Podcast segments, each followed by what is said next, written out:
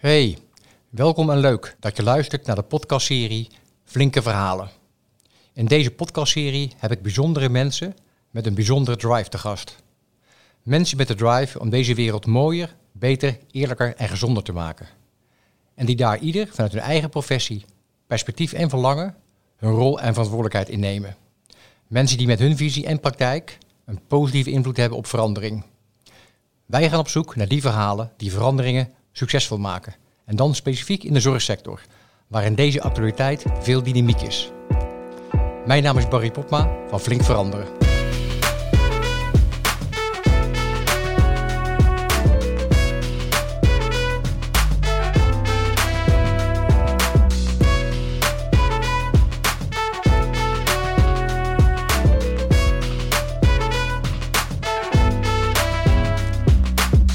Vandaag hebben we te gast Jan Rotmans. Jan, tof dat je er bent. Laat me je even introduceren. Ja, Je bent hoogleraar transitiekunde en duurzaamheid aan de Erasmus Universiteit Rotterdam. Je werkt bevlogen aan een gezonde, eerlijke en duurzame samenleving. En je noemt jezelf scientivist, een activistische wetenschapper. Niet alleen denken en praten, maar vooral ook doen. Wij gaan vandaag met elkaar in gesprek over een nieuwe blik op de toekomst. En welke uitdagingen bestuurders en leiders van organisaties daarin hebben. En dan voor nu even specifiek eh, in de zorgsector. Jan, je zwengelt zelf veel discussie aan en maakt je professioneel druk. Waar vind jij zelf je inspiratiebronnen en waardoor wordt jouw strijdlust eigenlijk gevoed? wel, dat is een, eh, gelijk een leuke beginvraag. nou, wat mij inspireert zijn ehm, eh, mensen die lef hebben. Mensen die durf hebben. Echte leiders. Eh, kunst. eh, sport. Eh, ja, mijn helden waren Johan Cruijff. Ik wilde vroeger op straat altijd Cruijff zijn. Ik kon best wel aardig voetballen, maar ik was misschien beter dan je denkt, maar niet zo goed als ik zelf had gehoopt. als op amateurniveau was ik een goede voetballer. Ja. Maar, en Jan Wolkers was ook een mooie man. Hè, gewoon authentiek. Daar hou ik van. Ook iemand als Willem van Hanegem. Weet je, authentieke mensen die gewoon niet meebewegen. Maar altijd overeind blijven eh, in de storm. Ja. Eh, Angela Merkel vind ik ook echt, eh, echt een leider. Wie is das? Ook al zat ze er deels naast, maar gewoon blijven staan als het stormt. Ja, ik word erg geraakt door eh, ja, bijvoorbeeld ook ballet.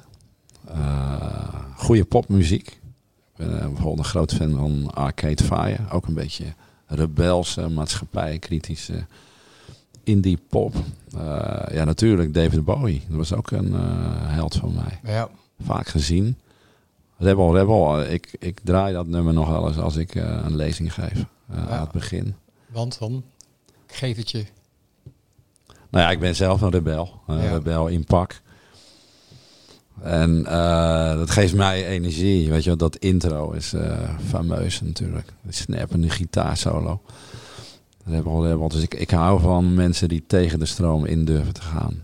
En eh er zijn er gelukkig steeds meer van. Ja, jij bent zelf ook al een voorbeeld natuurlijk. Ja. Nou, wat, wat mooi is, daar komen we later ook op terug, eh, als goed vindt Jan. En eh, eh, je zegt mensen die in de, in de storm overeind blijven staan, eigenwijs zijn daarin.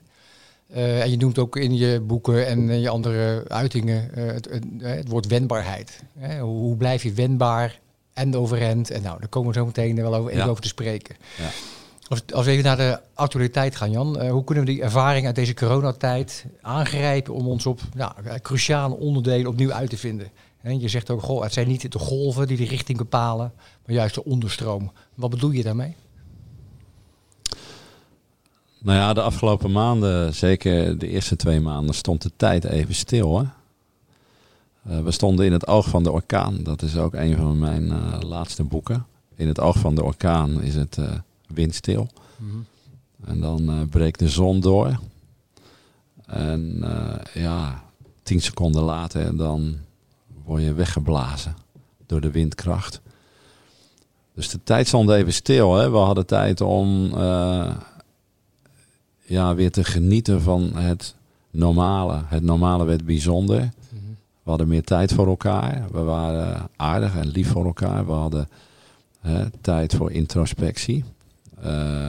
even zelf tot stilstand komen in al die hectiek. En saamhorigheid. heel veel burgerinitiatieven. En ik hoop dat we dat koesteren, want dat is wel een deel van die onderstroom. Hè? Dus in een transitie wordt uiteindelijk um, de richting bepaald door de onderstroom. Dus datgene wat heel traag verandert, maar wel onmiskenbaar de richting bepaalt. Stef Bos, ben ik ook een fan van, die heeft ooit een prachtig nummer geschreven, De Onderstroom. En, en hij zegt, uh, uiteindelijk wordt de richting bepaald niet door de golven, maar door de onderstroom. Nou, die onderstroom uh, uh, in de samenleving, dat zie je wereldwijd beweging, de commons-beweging. Mensen die op een andere manier willen leven. Niet meer zo gehaast, niet meer zo voortgedreven door geld, eh, door groei, door jaloezie, door hebzucht, egoïsme. Uh, en we hebben nu een samenleving gecreëerd die al maar op jacht is, op zoek is, heel vluchtig is. En waarin mensen zichzelf uh, dreigen te verliezen. En de crisis maakte dat even heel mooi duidelijk. Mhm. Eh, dat het goed is om een tijdje stil te kunnen staan, even los van het persoonlijk leed, wat er is gebeurd de afgelopen tijd.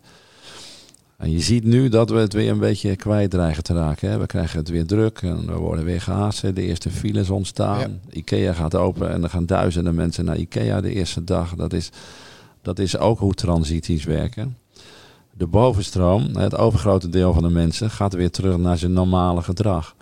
Maar diep in de onderstroom nemen wij wel weer iets mee van deze crisis. Uh, want heel veel jongeren worden voor het eerst beperkt in hun vrijheden. En dat maakt wel een diepe indruk. Ik merk dat ook aan mijn eigen kinderen. Dus een deel van de mensen gaat vraagtekens stellen bij zijn eigen levensstijl. Mhm. Eh, moeten we wel zo blijven jagen? Moet alles maar meer en sneller? Een groot deel gaat helaas weer terug naar het jachtigen. Maar dan komt er weer een volgende crisis, kwestie van tijd. En dan gaan weer meer mensen, ja, wat ik noem vooruit naar vroeger, terug naar de kern. Nou, je had woorden uit de mond. Want als ik, uh, wat ik in je boeken las, hè, van, uh, zou er sprake zijn van een nieuwe moraal? Moeten we terug naar de oude moraal? En uh, de nieuwe orde. Hè, die leert terug naar een kern, naar eenvoud. Ja. Ehm, en dat vooruit naar vroeger vond ik wel een mooi, mooi zinnetje van je. Um, dat lijkt, of het voelt een beetje als van, laten we van de, de oude wereld en nieuwe wereld het beste meenemen. Maar hoe, hoe zou dat er in jouw idee uit kunnen zien? Dat vooruit naar vroeger. Nou, ik heb dat in mijn laatste boek Omwenteling ook uh, vrij uitgebreid beschreven. Um, ten diepste uh, bedoel ik daarmee dat wij als mensen weer centraal komen te staan. Uh, als je kijkt naar de zorg, dan zie je ook dat deze crisis ja, die systemische fouten pijnlijk blootlegt. Hè? In de zorg draait het vooral om rendement, om efficiëntie, om kostenbaten. Uh, dus we doen alles zo efficiënt mogelijk. En als er dan een crisis komt, ja, dan hebben we eigenlijk geen antwoord. We hebben geen buffercapaciteiten, we zijn niet veerkrachtig. Dus we moeten alles op alles zetten om het dan overeind te houden. We hebben de mensen in de zorg um, decennia lang onderbetaald en mm. ondergewaardeerd. En nu ineens zijn het de helden. Uh, en de mens staat dus niet centraal in de zorg. We hebben het altijd over cliënten en patiënten. We hebben het eigenlijk nooit over mensen. En al 15 jaar geleden start ik met een programma Mensenzorg. Ja. Dat klinkt zo eenvoudig. Maar elke keer als iemand het woord cliënt gebruikt, zeg ik nee. Dat betekent een economisering van de zorg. Het voelt ook als afstand ergens. Ja. Als je iemand ik kom heel vaak op zorgcongressen en dan uh, hebben ze het allemaal over cliënten. Ik zeg, maar waarom noem je het geen mens? Oh ja, binnen vijf minuten hebben ze het weer over cliënten. Ja. Maar als je een mens een cliënt noemt, breng je hem terug tot een soort economische productiefactor. En het gaat niet alleen om woorden, dat is ook hoe wij kijken naar mensen in de zorg. Dus uh, na mijn fietsongeluk merkte ik het zelf ook. Technisch ben ik best knap behandeld, maar nooit echt als mens. Wel door de verpleegsters, die waren echt heel lief en zorgzaam.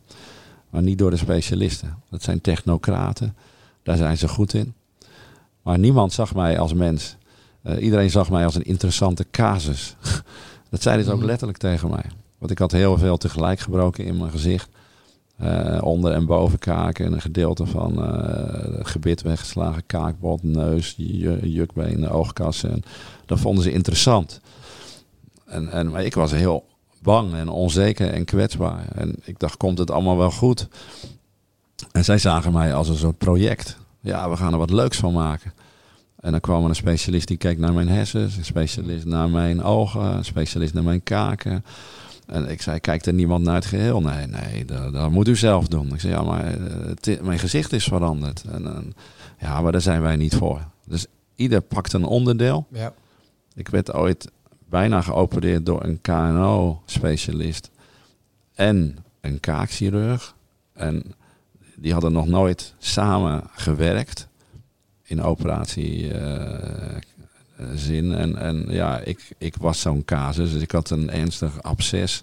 Jaren na mijn ongeluk een infiltraat. En het werd dikker en dikker. En ik werkte maar gewoon door. En op een zeker moment, ja, niemand kon het vinden. En, en de kraakchirurg niet en de KNO-chirurg op een gegeven moment uh, ja, het. Een combinatie van ja, een ontstoken verstandskies en een infiltraat en een absces. En toen was het acuut.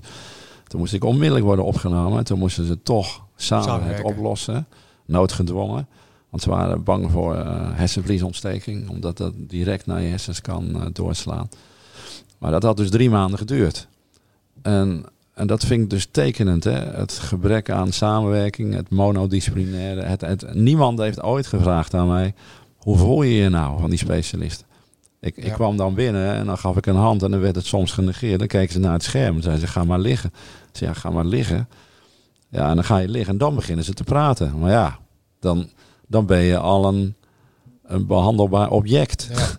Wat opvalt als je het zo zegt, hè Jan, van um, toen het nodig was, moesten ze wel. Ja, en, ook, en ik ook teruggrijp naar wat je begin van dit, uh, van dit stukje zei over de helden. En nu voelen we al met z'n allen dat deze mensen levens redden. Dat dat de frontliniewerkers zijn, hè, waar we trots op zijn. Hè, nu hebben we een soort van gezamenlijke vijand, dat heet corona. Ja. Um, uh, nou ja, in de, in de, analogie naar jouw verhaal van de kaakchirurg en de KNO-arts, van als de, het moetje er weer vanaf is, wie gaat dan voor deze helden weer staan? Of gaan we dan weer terug naar hoe het was? Ja, allebei.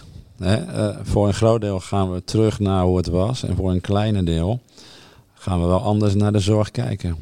Uh, een paar voorbeelden. Ik denk dat de zorg populairder wordt onder jongeren om erin te gaan werken.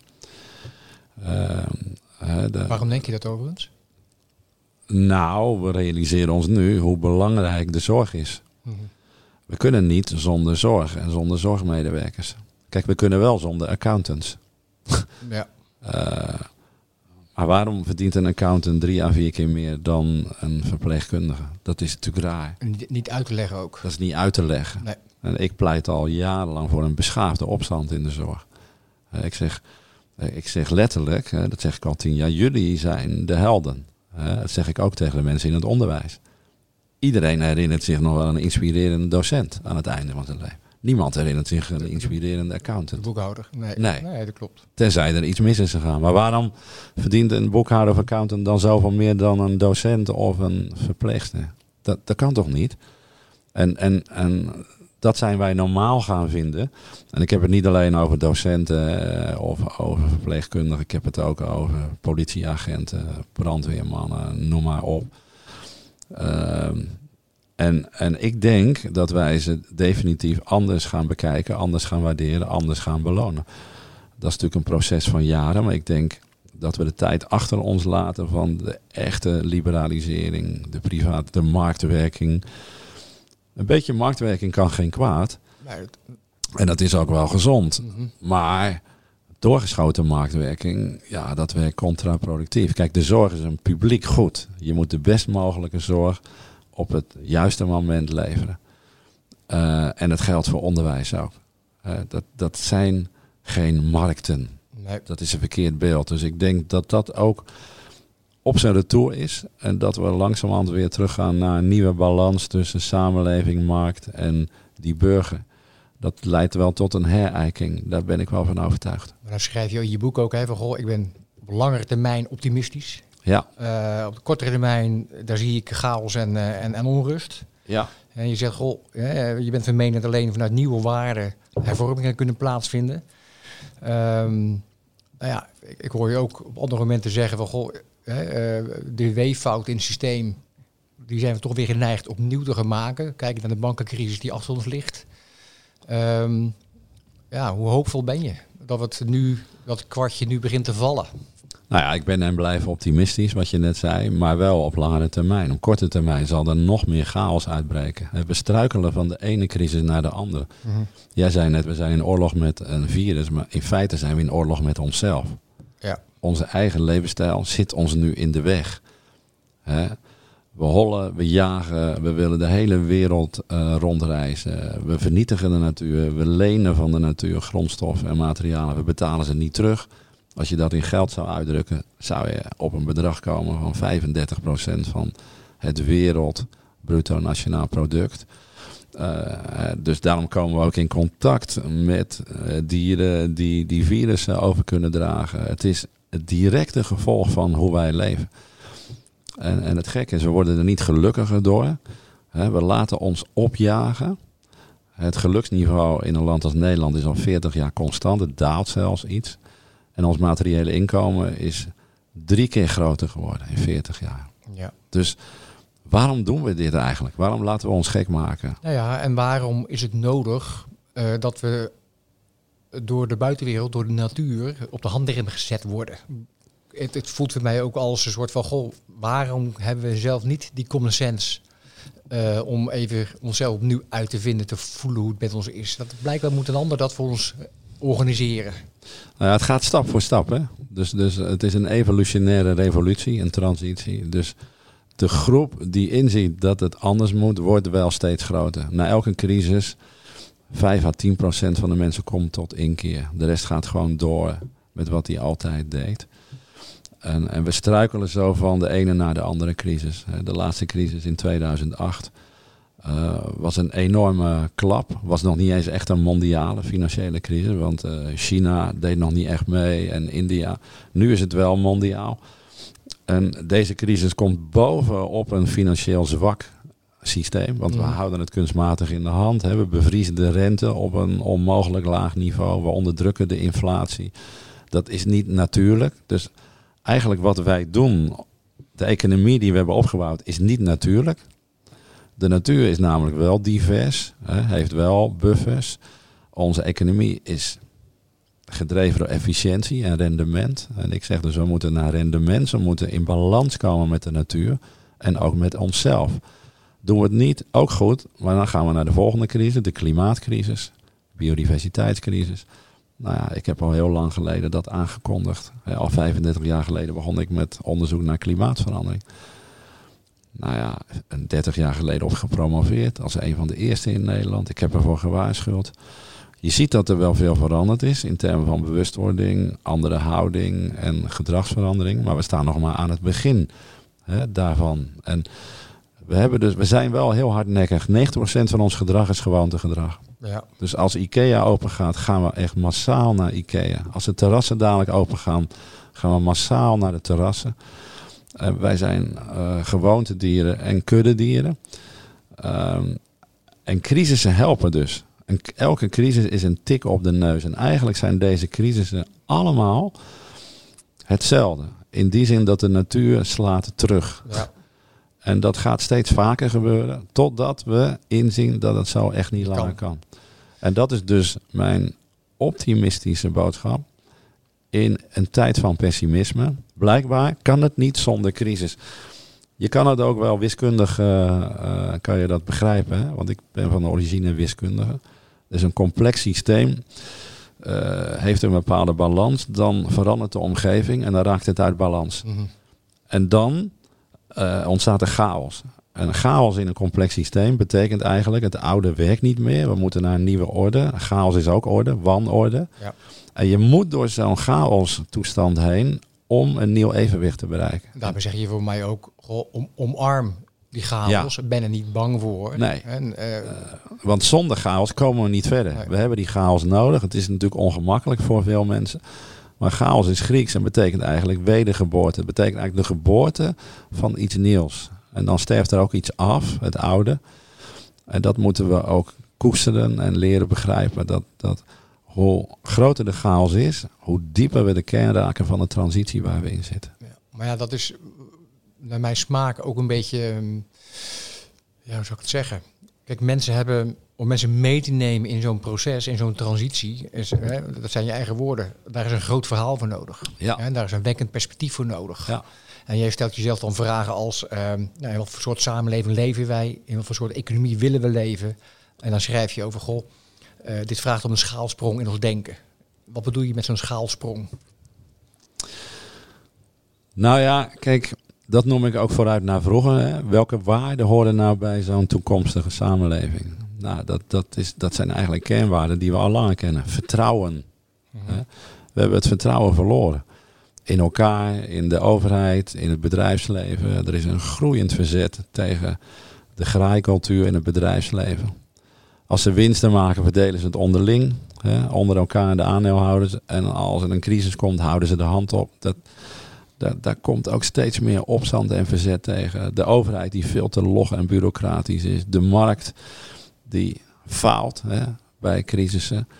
Ehm, wat je dan ziet, is dat we moeten leren om vertrouwen te hebben in elkaar. Dingen samen te doen. Samenredzaamheid, samenhorigheid. Bij elke crisis zie je een explosie van burgerinitiatieven. Dat Ja. zagen we al in de 19e eeuw. Dat zagen we eh, twaalf jaar geleden al bij de laatste economische crisis. Nu weer. Is dat Jan omdat crisis verbindt? Ja, Los van dat het ook angstig maakt, maar het verbi- het verbindt ook. Kan je het zo zeggen? ja, het verlamt bij een deel van de mensen. En het activeert bij een ander deel van de mensen. En, en het verbindt dan ook op die manier. Dus sommige mensen die durven niks meer en die wachten af. Maar een aantal mensen zegt, oké, wij gaan laten zien hoe het anders kan. Ja. Vanuit vertrouwen en samenredzaamheid. Dat verbindt dus. Meer dan 1 miljoen mensen is er al bij betrokken in Nederland. En het aantal burgerinitiatieven groeit explosief. En het gaat om ja, coöperaties, gemeenschappen, netwerken. eh, op het gebied van geld, op het gebied van voedsel, op het gebied van energie, zorg, onderwijs, alles. Ja. En dat is eh, de onderstroom van een nieuwe samenleving. Hè, die ontbolstert. En die wordt nog over het hoofd gezien door de bovenstroom. Laten we zeggen, hè, de overheden en eh, de bedrijven. Maar dat groeit wel degelijk. En wereldwijd ook zijn het honderden miljoenen mensen. Die leggen wat meer de nadruk op het samen doen. Minder op het rendement, maar meer rendement, vertrouwen. Eh, ook tijd nemen voor elkaar. Je niet gek laten maken en op laten jagen. Vanuit eh, de balans waar die naar streven tussen mensen en natuur. Ja. Nou, hoe mooi is dat? En het populisme krijgt veel meer aandacht. De schrijvers, die überhaupt geen oplossingen hebben. Valse romantiek. Maar de onderstroom krijgt er weinig aandacht. En dat betekent, ehm, nou kijk, als we de maatschappij willen veranderen, hè, jij schrijft over, goh, het zit in, het zit in onszelf. Hè, we, hebben zelf we, hebben, we hebben het zelf gemaakt. Nou, als je het zelf hebt gemaakt, kun je het afbreken. Maar dat- Ja. om het af te kunnen breken, moeten we onszelf veranderen. Ja, Hè, we moeten naar onszelf leren kijken, eh, onze eigen angsten on- eh, overwinnen en daar een ander handelingsperspectief perspectief op ontwikkelen. Je noemt het met een mooi woord reflexiviteit ja, en wendbaarheid. ja. Hoe eh, kun je het toelichten? Nou ja, de crisis zit in onszelf, hè, want vaak leggen we het buiten onszelf neer. Economen hebben ook nu die neiging. Ja, dit is geen echte systeemcrisis, want er kwam een virus. Dat is een externe factor. Dus binnen een paar jaar dan komen we hier weer uit. En, en dat is eigenlijk een veel te oppervlakkige blik. Want deze crisis is het gevolg van hoe wij leven Ja. en wie wij zijn. Hoe wij ons verplaatsen, wat wij eten, eh, hoe wij nou ja, in huis leven. Alles samen. Ehm, en die crisis dwingt dus ook, als we hier werkelijk goed uit willen komen, tot reflexiviteit. Daarmee bedoel ik, eh, kijk nou eens diep in jezelf, naar jezelf. Wie ben jij eigenlijk? Ehm, doe je wel de dingen die je eigenlijk zou willen doen? Of zit daar een groot verschil tussen? Ja. En ben je eigenlijk wel de persoon geworden die je had willen zijn? Nou ja, ik train en begeleid ook mensen hè, in die persoonlijke transitie. Dus in feite zeg ik, die systeemtransitie vraagt een persoonlijke transitie. Precies.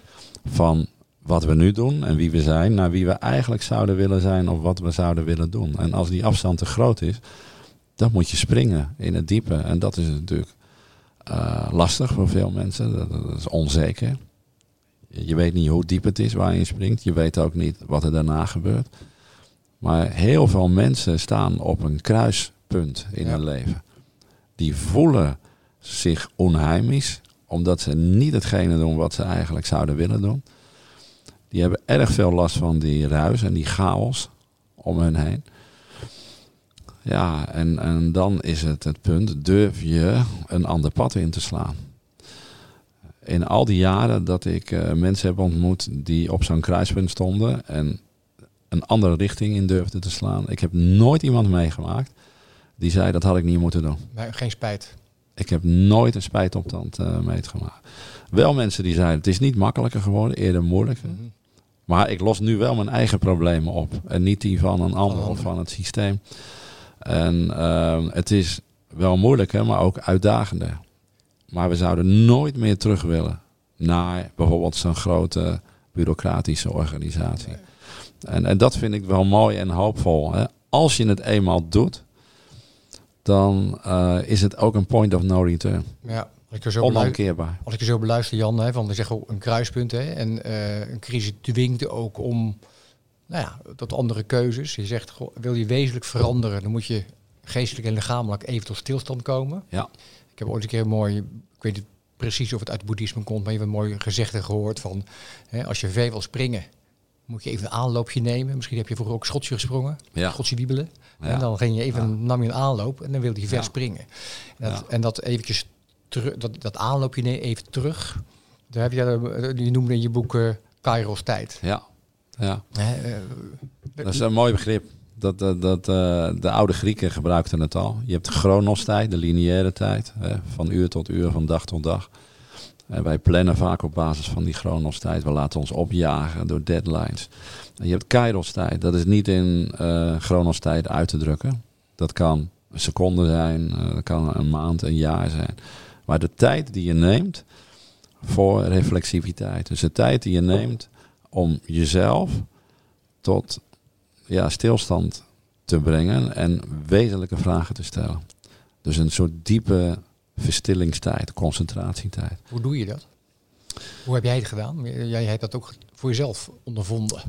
Ja, nou ja, na mijn ongeluk kon ik niks. Ik moest eh, maanden achtereen revalideren. En in het begin werd ik heel eh, onrustig daarvan. En ik vond het ook onrechtvaardig. Waarom was mij dit overkomen? En ik wilde van alles doen. En dan viel ik weer zwaar terug. Alles werd zwart voor mijn ogen. Dus ik, ik, alle druk viel op een gegeven moment weg. Niemand verwachtte meer wat van mij. En ik verwachtte ook voor het eerst van mijn leven niks meer van mijzelf.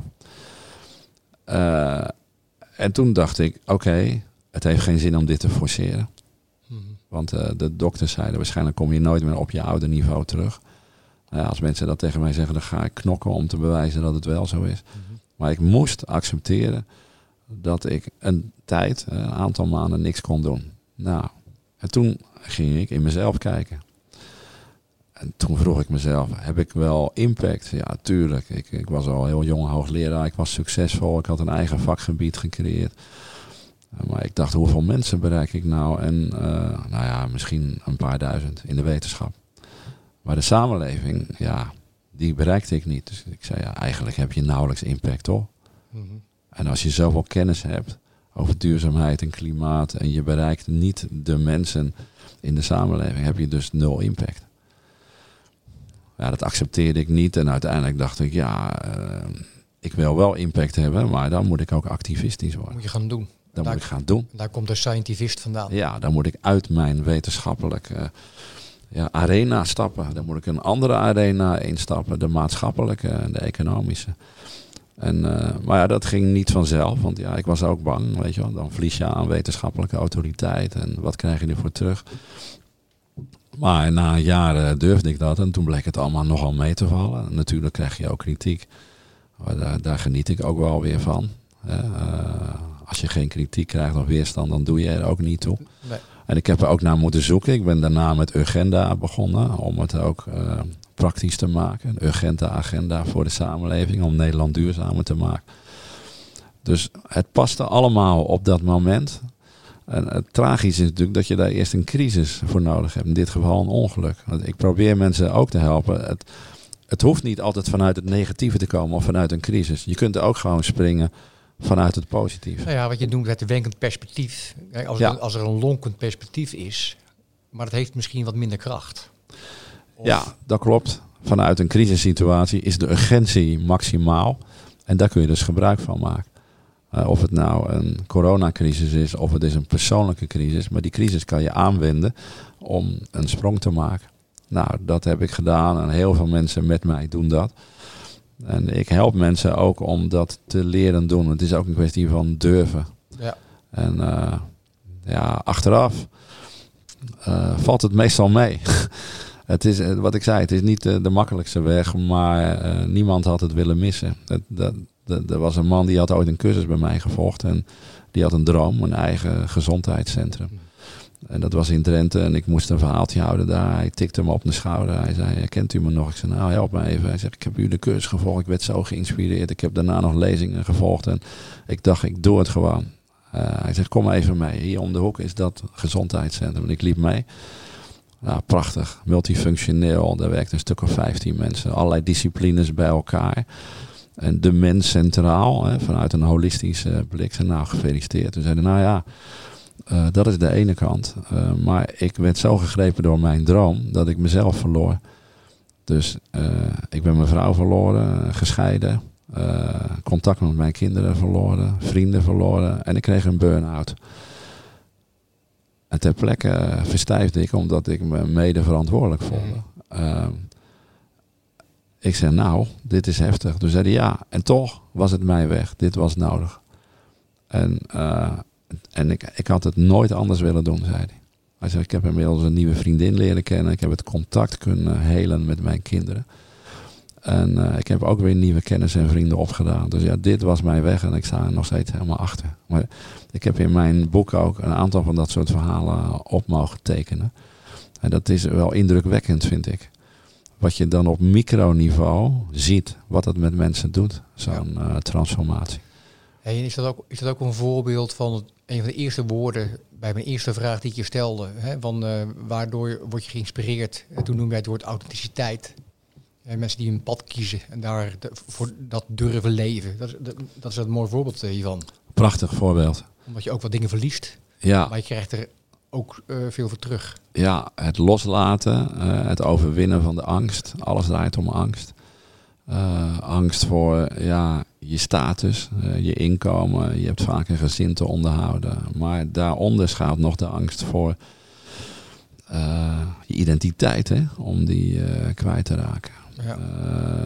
Je, je, eigen mensbeeld en wereldbeeld. Nou, je moet door al die lagen heen. En als je dat durft, ben je voor mij een held. En dan ben je ook inspirerend. En mensen die authentiek zijn, die nemen dus altijd de moeilijkste weg. En niet de makkelijkste. Mensen die de makkelijkste weg kiezen, ja, daar, daar kan ik minder respect voor opbrengen. Ik begrijp het wel, ik veroordeel het ook niet. Maar dat vind ik minder authentiek. Nou ja, en wat je ook in je boek Omwenteling schrijft, uh, is optimisme. Als een soort morele plicht. Ja, en zeker. wat er nou ja, nooit een grote transitie heeft plaatsgevonden vanuit sepsis. En nee. dus uh, je zou kunnen zeggen, oh, hè, het vraagt wellicht wel lef om, het, om de transitie aan te gaan met jezelf. Maar als dat gepaard gaat met optimisme, hè, durven blijven en blijven geloven. Ja. Maar goed, dat optimisme, dat kun je niet voorschrijven op recept.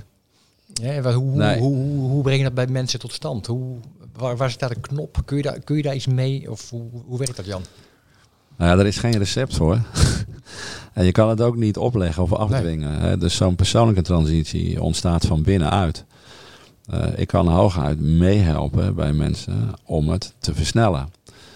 Maar iets wat er niet is, dat kun je ook niet creëren bij mensen. Er moet al een voedingsbodem zijn. Dus ik geloof ook niet in die zelfhulpboeken, die verandergoeroes. Het is eigenlijk allemaal onzin. Uh, uh, ik kan iedereen tien gouden tips geven hoe persoonlijk te transformeren. Maar het gaat niet werken. Ieder mens is anders. Iedere omgeving is anders, iedere context is anders. En daarom is het ook zo belangrijk dat we daar eh, ja, goed en zorgvuldig mee omgaan. Want er wordt heel veel misbruik van gemaakt. Mensen die bakken met geld verdienen over de ruggen van mensen heen met van die zelfhulpboeken. Uh, uh, Ik zou zeggen, steek ze in de brand. En ga terug in jezelf, hè, naar de eenvoud. Um, want vaak broeit er al iets. En, en, en wat ik bijvoorbeeld doe hè, in de persoonlijke coaching met mensen, ik probeer dan bloot te leggen wat er leeft bij mensen, wat er broeit. En of ze ook in potentie de moed hebben om te durven springen. als ze dat niet hebben, ja, als ze dat niet hebben, ook goed. Maar dan komt er een ander moment of misschien wel helemaal niet. En, um, en dan probeer ik hè, samen iets op te bouwen waardoor het heel logisch lijkt dat iemand die keuze maakt en die sprong maakt. Nou, en, en ik vind dat mooi om te zien dat mensen zich dan uh, ja, zo ontwikkelen dat ze tot een doorbraak komen. En roep je daarmee ook mensen op om naar zichzelf te kijken en te voelen, goh, waar zit in mij de rebel? En waar zit in mij, of heb ik hem nog, of ben ik hem kwijt, of moet ik hem gaan zoeken, maar waar zit, waar zit mijn veranderkracht?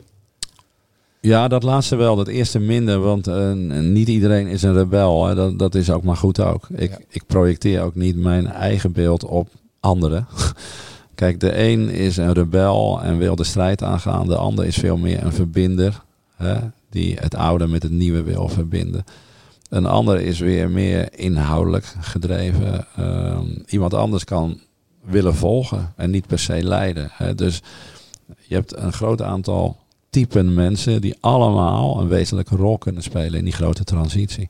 En ik probeer erachter te komen, ja, wat de diepste aard van mensen is. Of ze verbindend zijn, leidend, volgend, kantelend, rebels. En dan te kijken, uh, hoe kunnen we ervoor zorgen dat je echt gaat zijn wie je, wie je had willen zijn of wie je zou willen zijn. En dat je echt datgene gaat doen wat je ook leuk vindt om te doen en waar je goed in bent. Want ja. heel veel mensen die je kent, die doen toch niet wat ze eigenlijk willen doen. Als, als ik dat vraag hè, aan een zaal, wie doet er nou eigenlijk echt wat hij wil? Dan zeg ik, wie doet er wat hij wil? Of anders, wil je wat je doet? Dan moeten mensen even nadenken. Maar dan, dan kom je s'avonds thuis na een dag werk en, uh, met weinig energie. En dan vraagt iemand, wat heb je gedaan? Ja, ja, vergaat het. Het ging over processen en, en procedures en heel abstract werk. Vaak zit je uh, uren achter zo'n beeldscherm. Geeft geen echte bevrediging. Is het geen, uh, dat hoor ik mensen wel eens zeggen, ja dat is mooi gezegd, hè? Uh, passie, bevlogenheid, en, maar dat is een luxe. Dat moet je jezelf kunnen permitteren. Wat zou je tegen die mensen willen zeggen die daar zo, zo over denken? Ja, volgens mij, uh, ik hoor dat wel vaker, is dat niet gebonden aan uh, nou ja, leeftijd of status of inkomen of wat dan ook. Uh, ik ken heel gepassioneerde mensen die geen werk hebben, die vrijwilligerswerk doen. Ik ken heel gepassioneerde mensen die van een minimumloon leven. Ik ken ook heel rijke mensen zonder passie.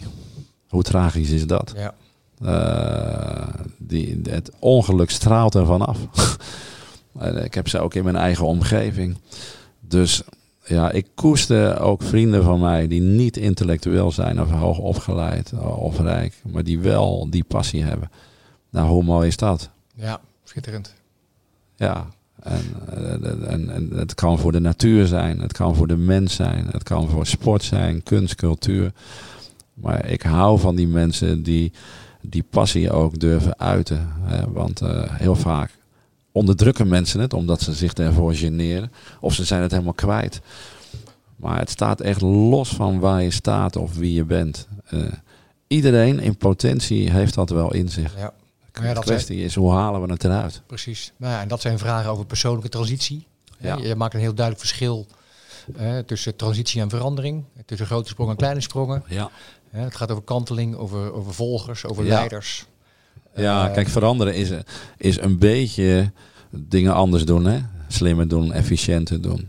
Transformeren is dingen echt wezenlijk anders denken en doen. Dus transformeren is echt een grote sprong maken. En veranderen is kleine sprongetjes maken. Welke hoop koester jij er hierin, uh, Jan? Als het gaat over in beweging komen, uh, beweging maken, leiden en volgen. Wat, wat, wat, wat is je hoop voor de toekomst hierin? Nou ja, dan koppel ik even het grote aan het kleine. Zo'n grote crisis zorgt voor heel veel beweging en wezenlijke verandering op microniveau. Dus het macroniveau waarop de crisis zich manifesteert, hè, de economie en de samenleving, heeft een impact op dat microniveau. En zet toch steeds weer een groep mensen aan het denken om die stap te maken.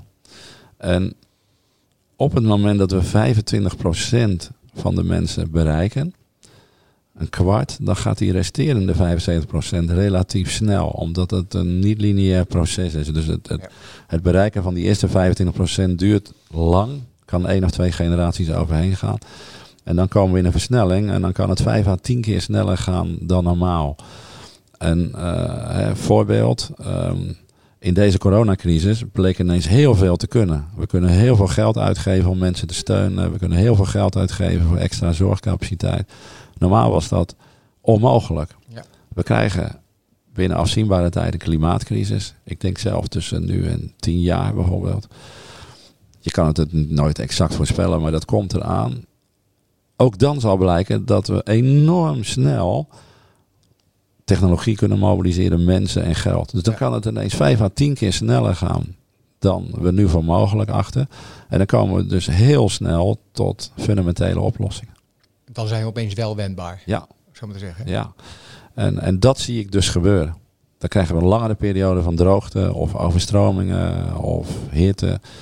En dan wordt het zo voelbaar dat ineens het onvoorstelbare voorstelbaar wordt. En we hebben nu door deze crisis inderdaad de toekomst wat dichterbij gehaald. Mhm. Wat eerst niet leek te kunnen. De lucht is schoner dan ooit. Uh, dus mensen die bij het Himalaya-gebied uh, wonen, die zien ineens die bergtoppen. Die hebben ze 30 jaar niet gezien. uh, door de schone lucht zijn in Europa nu al meer dan 12.000 mensen niet overleden. De lucht is bijna de helft schoner dan gewoon. Ineens kan het dus wel. Nou, dat geldt dadelijk voor een klimaatcrisis ook. Ja, en dan, en dan kan het snel gaan. En dan komen we ook tot de kern van oplossingen. En die, die hoop wil ik wel meegeven. Want ik, ik denk, als ik kijk naar de onderliggende patronen, dat het die kant op gaat. Mijn laatste vraag, Jan, voor uh, deze podcast. ik kan uren met je praten, maar toch. Je schrijft ook in, in een van je boeken, ehm, nou ja, hè, hoe, hoe, ga je dat doen? Uh, heb een groot plan, maar maak kleine stappen. Uh, tegen al die bestuurders en managers en leidinggevenden uh, in de zorg die nu de pijn voelen, die nu de, de onrust voelen. Uh, wat, wat, kan, wat kunnen mensen in het nu? Wat, welk advies, welke boodschap zou je deze mensen willen meegeven? Dat het jarenlang duurt, maar je, ergens moeten we iets. Nou ja, ik ben ook bezig met Zorgeloos, hè, initiatief wat ik startte met Josten Blok, ja, vier jaar geleden. We hebben nu ook een alternatief uh, outbreak team gevormd. Hè. Wij noemen ons breakout team. Dat zijn uh, mensen van binnen en buiten de zorg. Vooral vanuit de onderstroom. Die kijken wat gebeurt er nou na de coronacrisis. Mm Hoe ziet de zorg er dan uit en het onderwijs. En, en als ik kijk naar de zorg, dan zie ik wel een paar, uh, laat ik zeggen, contra-trends die heel belangrijk kunnen worden. schaalverkleining. We gaan weer toe naar kleinere schaal. We hebben decennia lang gefuseerd in de zorg. Alsmaar meer en groter blijkt contraproductief te werken. Uh, ik zeg wel eens van al die grote ziekenhuizen blijft maar een klein deel over. En dan alleen de parkeerterreinen, zelfs die heb je niet meer nodig als we dadelijk zelf rijdende auto's krijgen. Uh, dus schaalverkleining is belangrijk. Twee, uh, het lokale niveau wordt heel belangrijk voor de langdurige zorg. Hè, de, de thuiszorg, de ouderenzorg.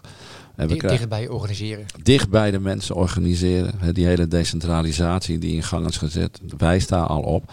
En, en de derde trend is nog meer integraal werken hè, vanuit het holistisch uh, mensprincipe. Dus je ziet al steeds meer integrale kindcentra bijvoorbeeld. Hè. Dan heb je mhm. zorg en welzijn bij elkaar en eventueel sport er nog bij. Dus je ziet dat ook steeds meer die integratie uh, tussen de medische kant en, laat ik zeggen, de zorgkant. Hè. Veel jongeren worden bestookt vanuit die verschillende lijnen.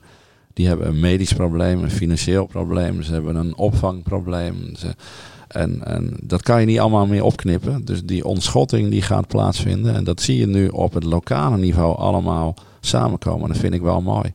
Want je kan een jongere ook niet opknippen in tien stukjes. En Nee. vanuit al die tien lijnen, financiering, huisvesting, medische kant, zorg, dat, dat gaat dus niet. Dus we worden gedwongen om het nu samen te doen. En wat betreft het curatieve deel in de zorg zie je de regio opkomen. De regio is veel logischer Mhm. om zich te organiseren dan ehm, ja, de, het landelijke en, of het stedelijke. Want in de regio heb je alle partners samen om mee samen te werken. Hè? De grote zorgorganisatie, de kleine, de ziekenhuizen, de bedrijven. En de, en de laatste trend die ik zie is misschien wel de belangrijkste. Veel meer de nadruk op preventie, hè? de voorzorg. Het beste medicijn tegen het coronavirus is groepsweerbaarheid en niet groepsimmuniteit. Maar groepsweerbaarheid, mensen gezonder maken. Ja. Eh, vitaler maken. Eh, dus veel meer de nadruk op preventie. Ja. En ehm, dat betekent eigenlijk, als je er goed en diep over nadenkt, het opheffen van de zorg zoals we die kennen. Want we hebben van de zorg een sector gemaakt, een silo. Nou, die gaat over ziekte. En ja, en, en wij maken mensen ook niet gezonder, maar minder ziek. Ja. We gaan pas ingrijpen op het moment dat iemand iets mankeert. Ja. Al 25 jaar geleden, omdat ik naar Amerika vertrok, wilde ik een preventief onderzoek. Dat bestond helemaal nog niet. Dus die huisarts zei, ja, maar u mankeert toch niks? Ik zei, maar ik wil weten hoe ik ervoor sta. Ja, maar dat kan helemaal niet. En toen zei ze, ja, dan moet u gewoon fruit eten, op tijd naar bed gaan, goed slapen, dan komt het allemaal goed. Uit die tijd komen we, hè, dat is nog steeds een dominant paradigma. Je gaat pas in het systeem passen op het moment dat je iets mankeert. Ja, precies. En wij moeten juist voorkomen dat dat gebeurt. Dus het mooie is dat deze crisis dit ook weer blootlegt. Hoe gezonder wij zijn, hoe minder vatbaar we zijn ook voor dit soort virussen. Maar zorg is onderdeel van hoe wij leven, wat wij eten, hoe we ons verplaatsen, hoe wij wonen. Dus zorg zou een integraal onderdeel van je leven moeten zijn. Ja. En wat hebben we ervan gemaakt? Een aparte sector. Ja. Dat is eigenlijk heel raar. Dus de zorg zal ons leven inkruipen. Hè? De, de zorg op school, op je werk, tijdens je recreatie, hoe je je verplaatst. Dus het mooie vind ik, in bepaalde regio's zie je al de voorbeelden. Hè? In Vechtdal hebben ze een initiatief genomen, Vitaal Vechtdal. Mensen van buiten de zorg gingen met zorgmensen praten. Met ziekenhuizen, fysiotherapeuten, huisartsen, noem maar op. En zeiden, wij willen mensen gezorgd maken, eh, gezond maken. Dus wij gaan met die mensen aan de slag. We gaan ze eh, laten bewegen, gezonder laten eten. eh, nou. En het is gelukt na een aantal jaren. Ja. En daardoor, aantoonbaar, werden er minder zorgkosten gemaakt. Bijvoorbeeld een enorme besparing op de apothekerskosten. Miljoenen euro's. Als je dat zou doorbetalen naar alle zorgregio's in Nederland, zou je miljarden kunnen besparen. Nou, je inspireert mij op het onderwerp waar ik heel veel eh, over denk en doe. En ik ga nu iets zeggen wat mijn eh, vrouw, ik weet niet of ze het leuk vindt, maar die gaat iets ontzettend moois in de markt slingeren. En dat heet de leefstijlapotheek. Geen pilletjes halen bij een, op een plek. Maar leefstijl, leefstijlinterventies. En daar, dus daar, hè, ik, eh, ik doe het toch maar, want da- daar gaat het volgens mij ook over. Ja, waarom zou je dat niet mogen zeggen? Nou, het is nog april. Oh, het is nog geheim. Eh, ja, het is een beetje geheim. Maar ik doe, het- doe het bij deze toch. Eh, ik ga Ehm, het overnemen, dan ga ik reclame Oh, voor je maken. heel goed. Nou, Nee, maar dan zit je precies eh, in het hart van de goede richting. Hè? ja, Dat eh, de, de, ja, de apotheek staat bij onszelf, hè? zijn wij zelf. ja, precies. En, en in hoe wij leven, hoe wij ons gedragen. En dat hele systeem gaat de komende tientallen jaren op de kop. Dat kan niet anders. En, en deze crisis versnelt dat eigenlijk weer. Hè? Ik werk ook samen met Machteld Huber, hè? die Mhm, zit daar ja. ook. Nou, positieve gezondheid. We hebben laatst weer een sessie gedaan met honderden mensen. Er is zo ontzettend veel belangstelling voor. En er zijn allerlei methoden voor. Hè? Niet één methode is heilig. Maar het hele idee hè, van de sector eh, zorg gaat op de schop. Ja. Nou Jan, ik uh, ik, ga weer, ik wil hier nog een keer met je over praten als je het goed vindt. Ik kom nog wel een keer Het is een terug. mooi onderwerp. Interessant. Ik ga je danken voor het mooie gesprek. Graag gedaan. Ehm, nou ja, voor de luisteraars, onze volgende podcast eh, komt eh, 10 juli online. Met als gast Guy van Liemt.